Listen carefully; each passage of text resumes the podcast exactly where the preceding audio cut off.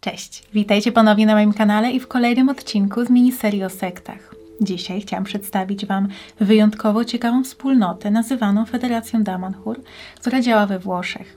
Jeśli jeszcze nie widzieliście mojego odcinka wprowadzającego do tej miniserii, to postaram się dodać go w kartach przy tym materiale oraz serdecznie zachęcam Was do obejrzenia pozostałych materiałów, które pojawiły się już w tej miniserii. Mówiłam m.in. o scientologii, o sekcie Muna oraz o tiktokowej komunie The Garden. A jeśli dzisiaj chcielibyście posłuchać o pewnej wspólnocie, która zadziwia nie tylko rozmachem i pięknem świątyni, ale także kunsztem stworzonej wewnętrznej struktury oraz zdaniem członków Damanhur jest bramą do nowej przyszłości. Jeśli chcielibyście dowiedzieć się więcej na jej temat, to zapraszam Was do oglądania. Historia organizacji sięga roku 1975 kiedy Oberto Airaudi wraz z kilkoma przyjaciółmi założył w Turynie Centrum Badań Parapsychologicznych i Ezoterycznych Horus, żeby rozpowszechniać podstawy dyscyplin parapsychologicznych oraz sfinansować otworzenie kliniki, w której można było stosować niekonwencjonalne narzędzia terapeutyczne. Oberto pracował jako agent ubezpieczeniowy, jednak jak sam twierdził, miał także niezwykłe zdolności uzdrowicielskie – i ze wspomnianego projektu zrodziła się myśl założenia wspólnoty. Wybór miejsca został zainspirowany przez jedną z wizji Oberto, który twierdził, że zobaczył gwiazdę spadającą na ziemię dokładnie w tym miejscu, gdzie zaczął gołymi rękami drążyć skałę. Grupa założycieli połączyła swoje osobiste oszczędności i sfinansowała zakup ziemi oraz budowę pierwszych domów dla mieszkańców. 7 lutego 1977 roku rozpoczęto budowę podziemnych tuneli, jednak odbywało się to w wielkiej tajemnicy, ponieważ prawo nie pozwalało na tego rodzaju budownictwo. To szczególne miejsce nazwano Città della Luce, co po polsku oznacza miasto światła, choć bardziej znaną nazwą jest po prostu Damanhur. Nazwa ta pochodzi od staroegipskiego miasta Timinhor, miasto Horusa, w którym w starożytności znajdowała się świątynia poświęcona właśnie bogowi nieba, Horusowi. Budowa świątyni trwała 16 lat, choć tak naprawdę do dzisiaj jest cały czas rozbudowywana i udoskonalana. Zajmuje powierzchnię 8500 m3 i składa się z pięciu kondygnacji, które sięgają do 72 metrów pod ziemią. Jest to największa na świecie podziemna świątynia i w 2001 roku została wpisana do Księgi Rekordów Guinnessa. Oficjalnie składa się z siedmiu sal, choć tak naprawdę jest ich znacznie więcej, ale część pozostaje tajna albo cały czas jest rozbudowywana.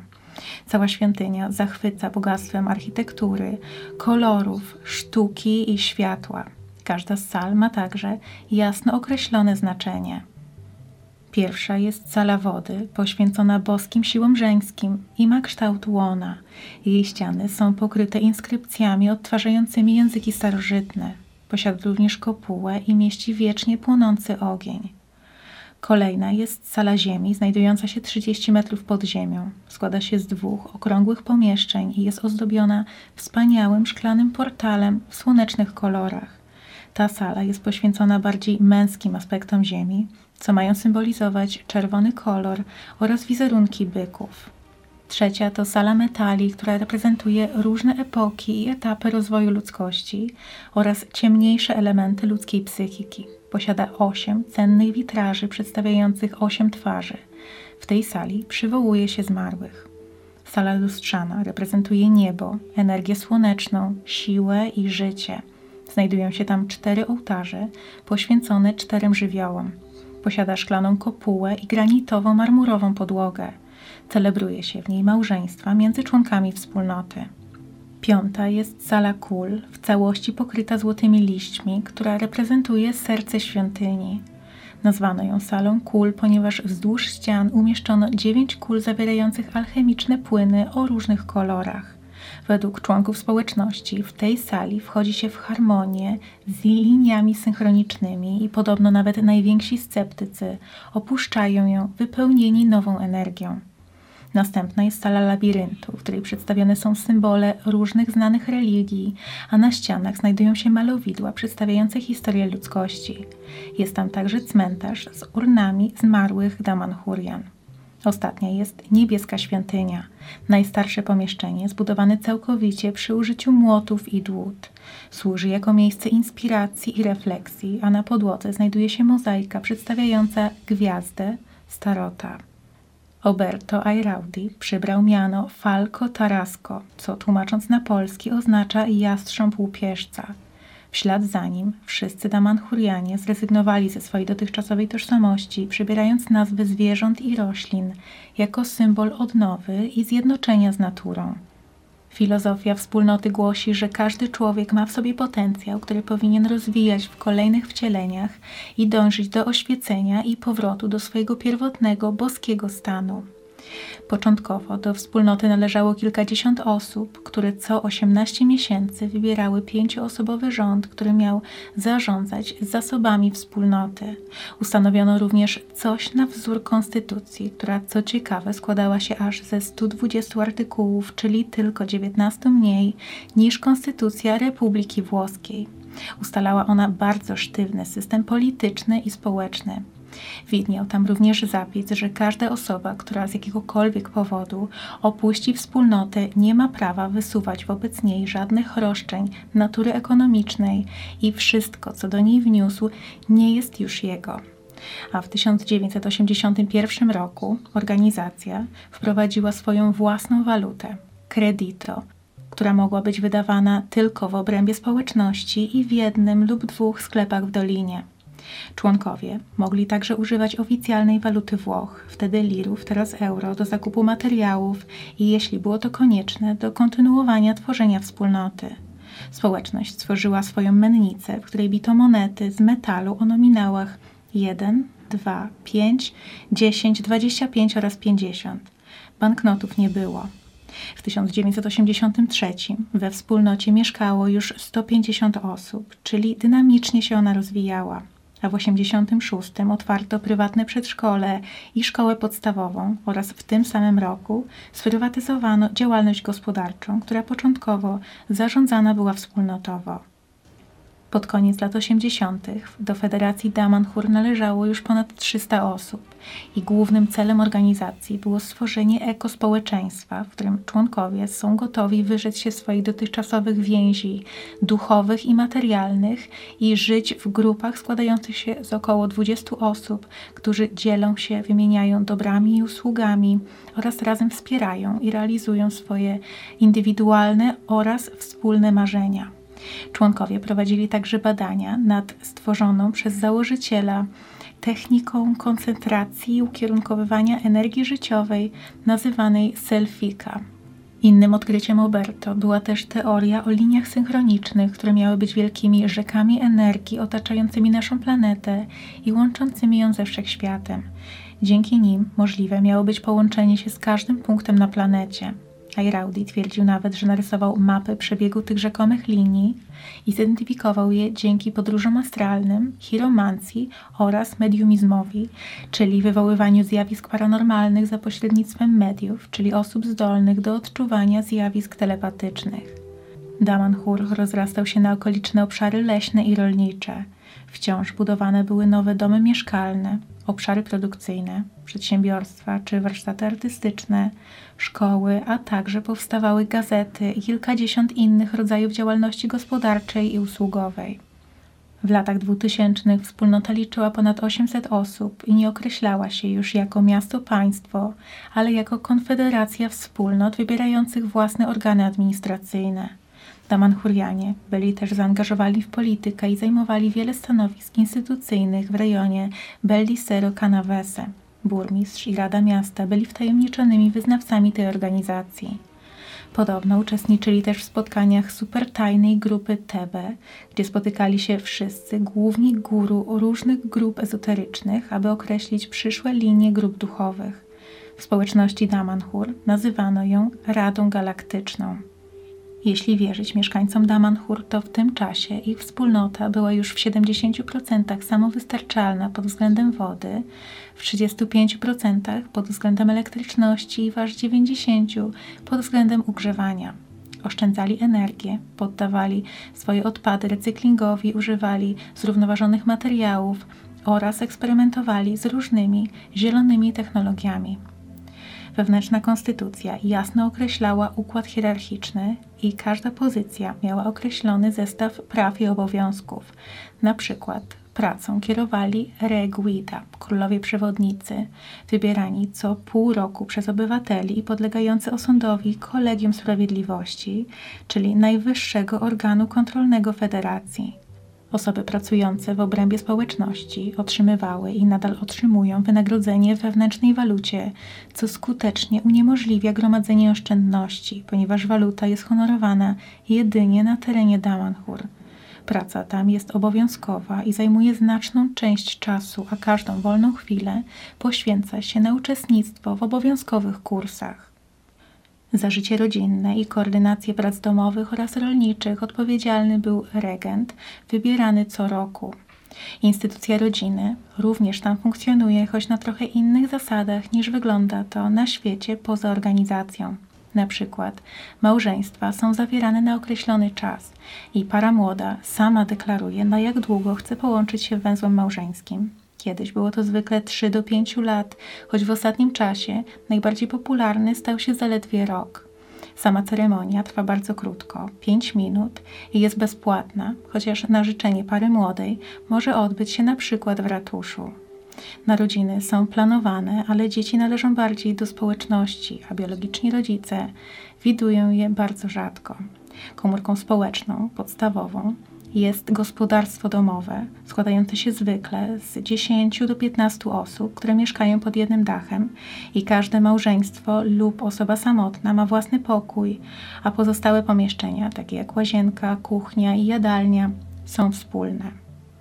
Społeczeństwo zostało podzielone na cztery rodzaje obywateli, od rezydentów poziomu A do nierezydentów poziomu D. Przynależność zależy od długości członkostwa w Damanhur, poziomu solidarności i poszanowania zasad założycielskich oraz zaangażowania gospodarczego i społecznego. Aby uzyskać dostęp do wyższych poziomów, należy wyrzec się wszystkich swoich dóbr materialnych i odciąć od świata zewnętrznego, który według założeń jest wrogiem. W zależności od posiadanego statusu otrzymuje się odpowiedni dostęp do oferowanych przez wspólnotę kategorii wtajemniczenia. Rozróżnienie poziomu obywatelstwa i różne stopnie ezoteryczne są poziomami dostępu do coraz głębszych i bardziej złożonych prawd. Każdy adept Damanhur musi mieć osobiste self, który uważa się za urządzenie obcej technologii. Wyznawcy mówią, że mają kontakt z kosmitami. I podstawowe self ma 9 poziomów i kosztuje 4500 euro. Każdego roku konieczne jest wykupienie aktualizacji za 500 euro.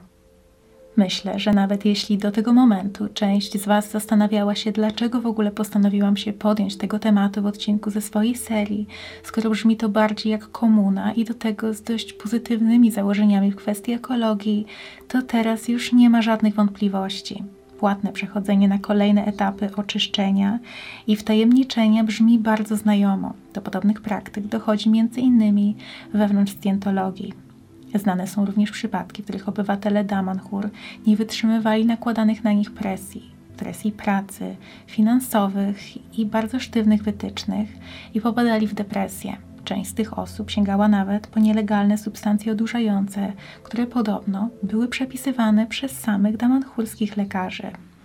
I jak to zwykle bywa w organizacjach noszących znamiona sekty, funkcjonuje tam także system inwigilacji, jeśli dany obywatel zaczyna zachowywać się podejrzanie, zadawać za dużo pytań albo nie trzymać się wytycznych, to uruchomiany jest swego rodzaju tajny wywiad. Taka osoba zaczyna być śledzona, jej telefon jest podsłuchiwany, a komputer przeszukiwany. Organizacja posiada także własny wewnętrzny system informacyjny z gazetami i programami informacyjnymi oraz niezależny system opieki zdrowotnej. Powszechnie praktykuje się tam medycynę alternatywną, uważając, że bardziej szanuje ona naturę i ludzkie ciało. Powstały nawet specjalne kabiny odmładzające, które teoretycznie miały spowalniać proces starzenia się organów wewnętrznych, a nawet leczyć pewne patologiczne zmiany. Niestety, wszystkie te domniemane silne moce nie były wystarczające, żeby uratować założyciela organizacji. Huberto w 2013 roku zmarł na raka okrężnicy, odmawiając wcześniej wszelkich konwencjonalnych terapii. W 1992 roku karabinierzy, czyli włoska żandarmeria, otrzymała anonim, którego autor napisał, że istnieje pewna tajemnicza społeczność z miejscem kultu pod ziemią. I wtedy właśnie świątynia została skontrolowana, skonfiskowana i przeznaczona do rozbiórki ze względu na brak pozwolenia na budowę. Tamanhurianie musieli bardzo ciężko pracować nad zebraniem 100 tysięcy podpisów, żeby uratować swoją świątynię. I ostatecznie, po czterech latach, udało się. Decyzja została cofnięta, a miejsce uznano za dzieło sztuki zbiorowej. I do dzisiaj jest to jedno z najbardziej tajemniczych i artystycznych miejsc we Włoszech. W chwili obecnej liczba rezydentów organizacji sięga 800 osób i biorąc pod uwagę, że każdy mieszkaniec musi regularnie opłacać obowiązkowe kursy i instrumenty magii, które wahają się od 15 do 15 tysięcy euro, to można oszacować, że dochody Damanhur są bardzo wysokie.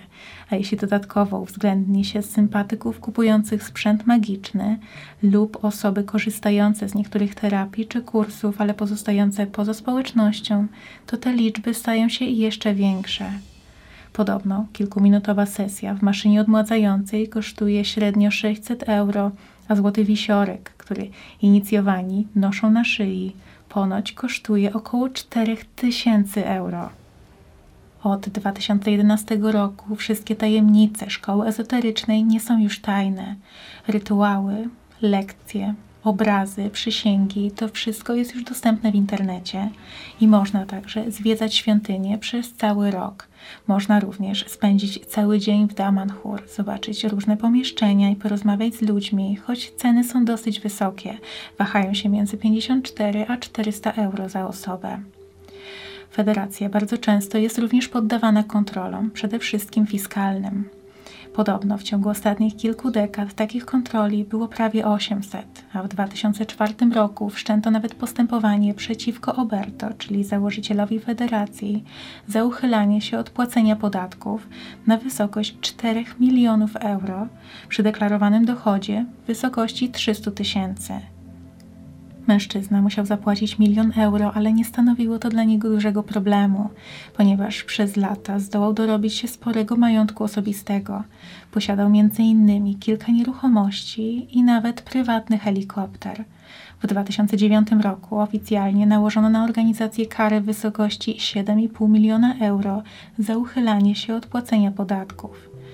I to nie są oczywiście jedyne kontrowersje wokół Damanhur. Nieustannie pojawiają się negatywne doniesienia o organizacji, w tym od osób, które kiedyś były jej członkami. Aktywnie toczy się kilka postępowań sądowych przeciwko organizacji o wykorzystywanie, sekciarstwo, manipulacje, a nawet znęcanie się psychiczne i fizyczne. Ci, którzy opuścili organizację, próbują dochodzić swoich praw w kwestii nieopłacanej pracy, darowizn czy przemocy psychicznej, jednak okazuje się to bardzo trudne. Spotykają się z taką samą reakcją jak w innych organizacjach noszących znamiona sekty. Są atakowani przez liderów, przez ich dział prawny, są dyskredytowani i zastraszani. Problemem jest również odzyskiwanie swojego majątku w euro, a nie w kredito, czyli walucie Damanhur. Jest wiele przykładów osób, które na przykład zdecydowały się sprzedać swoje posiadłości na zewnątrz i zakupić nieruchomości wewnątrz federacji i dopiero gdy postanowiły odejść, okazało się, że te domy nie są zapisane na nich, tylko są własnością federacji. W konstytucji Damanhur istnieje zapis, że nikt nie jest właścicielem swojego mienia, tylko wszystko należy do wspólnoty, dlatego dochodzenie swoich praw w sądzie jest bardzo utrudnione. Znana jest również historia mężczyzny, który był fanem ufologii i postanowił odwiedzić Damanhur po tym, jak przeczytał o niej w gazecie. Po kilku miesiącach spędzonych w organizacji postanowił oficjalnie do niej dołączyć i spędził tam aż 9 lat. Jego dni były wtedy przepełnione udziałem w kursach oraz bezpłatną pracą na rzecz wspólnoty. I dopiero gdy postanowił ją opuścić, okazało się, że w oczach włoskiego prawa praktycznie nie istnieje. Przez wszystkie te lata nie płacił podatków ani składek i musiał zaczynać dosłownie od zera. Są jednak też nieco bardziej pozytywne doświadczenia, choć niestety nieliczne.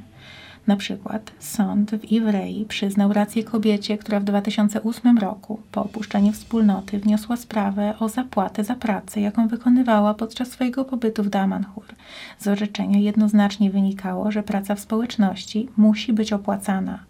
Federacja oczywiście odwołała się do sądu wyższej instancji, ale odrzucono apelację i nakazano zapłacić między 10 a 20 tysięcy euro za wkład, jaki kobieta miała w życie wspólnoty w okresie od maja 1983 roku do lutego 2007. Jak to zwykle bywa w przypadku sekt, cierpią nie tylko byli członkowie, ale także rodziny osób, które pozostają w organizacji. Członkowie są namawiani do całkowitego odcinania się od świata zewnętrznego, w tym od swoich najbliższych. Podobno w samym Turynie są setki rodzin, które złożyły skargi przeciwko Damanhur. Matka pewnej 16-letniej dziewczyny wystosowała nawet oficjalny apel do prezydenta w imieniu swojej córki, która od trzech lat nie miała kontaktu ze swoim ojcem.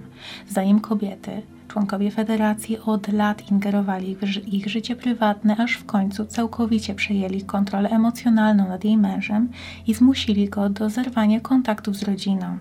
Sama federacja oczywiście odpiera te zarzuty, powołując się na pozytywne doświadczenie aktualnych członków i innych osób związanych ze wspólnotą. Na podstawie dostępnych, często sprzecznych i bardzo subiektywnych opinii trudno wyrobić sobie własne zdanie na temat tej organizacji. Z pewnością daje ona coś pozytywnego członkom, jednak nie można także zignorować tych wszystkich negatywnych aspektów i cech charakterystycznych dla sekt. To, co jednak pozostaje poza wszelkimi wątpliwościami, to piękno świątyni i to, że jest ona niezaprzeczalnie artystycznym i architektonicznym dziedzictwem. Jestem bardzo ciekawa, co Wy o tym sądzicie. Czy słyszeliście wcześniej o tej federacji? Z tego, co zauważyłam, jest to mało znany temat, dlatego tym bardziej cieszę się, że mogłam go Wam dzisiaj przedstawić. Podzielcie się proszę w komentarzach swoimi przemyśleniami, jak również jeśli macie propozycje, o jakich innych sprawach mogłabym powiedzieć w kolejnym odcinku z serii zagadek lub tej miniserii o sektach, to także napiszcie to w komentarzach lub w wiadomościach prywatnych na Instagramie. A teraz bardzo dziękuję Wam za oglądanie i do zobaczenia. Cześć.